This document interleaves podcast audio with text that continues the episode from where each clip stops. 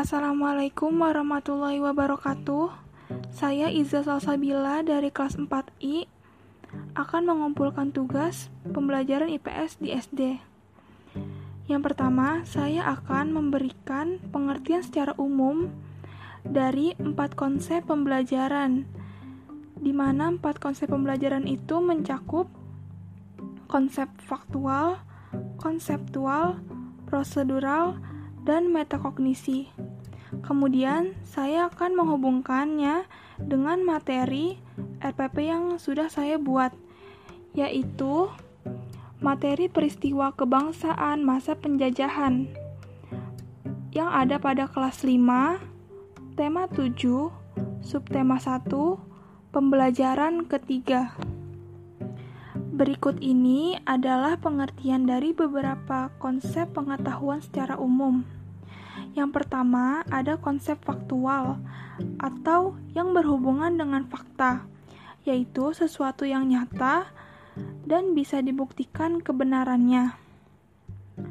Kemudian, ada konsep tual, yaitu berhubungan dengan sebuah rancangan atau rencana yang sudah disusun dan dibuat secara matang. Kemudian ada konsep prosedural, yaitu memberikan rangkaian proses secara berurutan.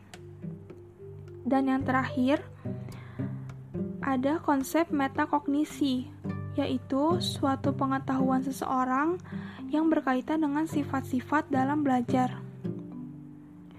Kemudian hubungan materi kelas 5 ini yaitu peristiwa masa penjajahan dengan konsep konsep pengetahuan tadi yaitu dari pengetahuan faktual mengenai sejarah masa penjajahan di mana banyaknya negara-negara asing datang ke Indonesia untuk menguasai Indonesia. Dengan berbagai cara seperti adanya keinginan untuk mencari kekayaan atau yang biasa sering disebut gold dan adanya keinginan untuk mencari kejayaan atau sering disebut glory dan adanya keinginan untuk menyebarkan agama atau yang sering disebut gospel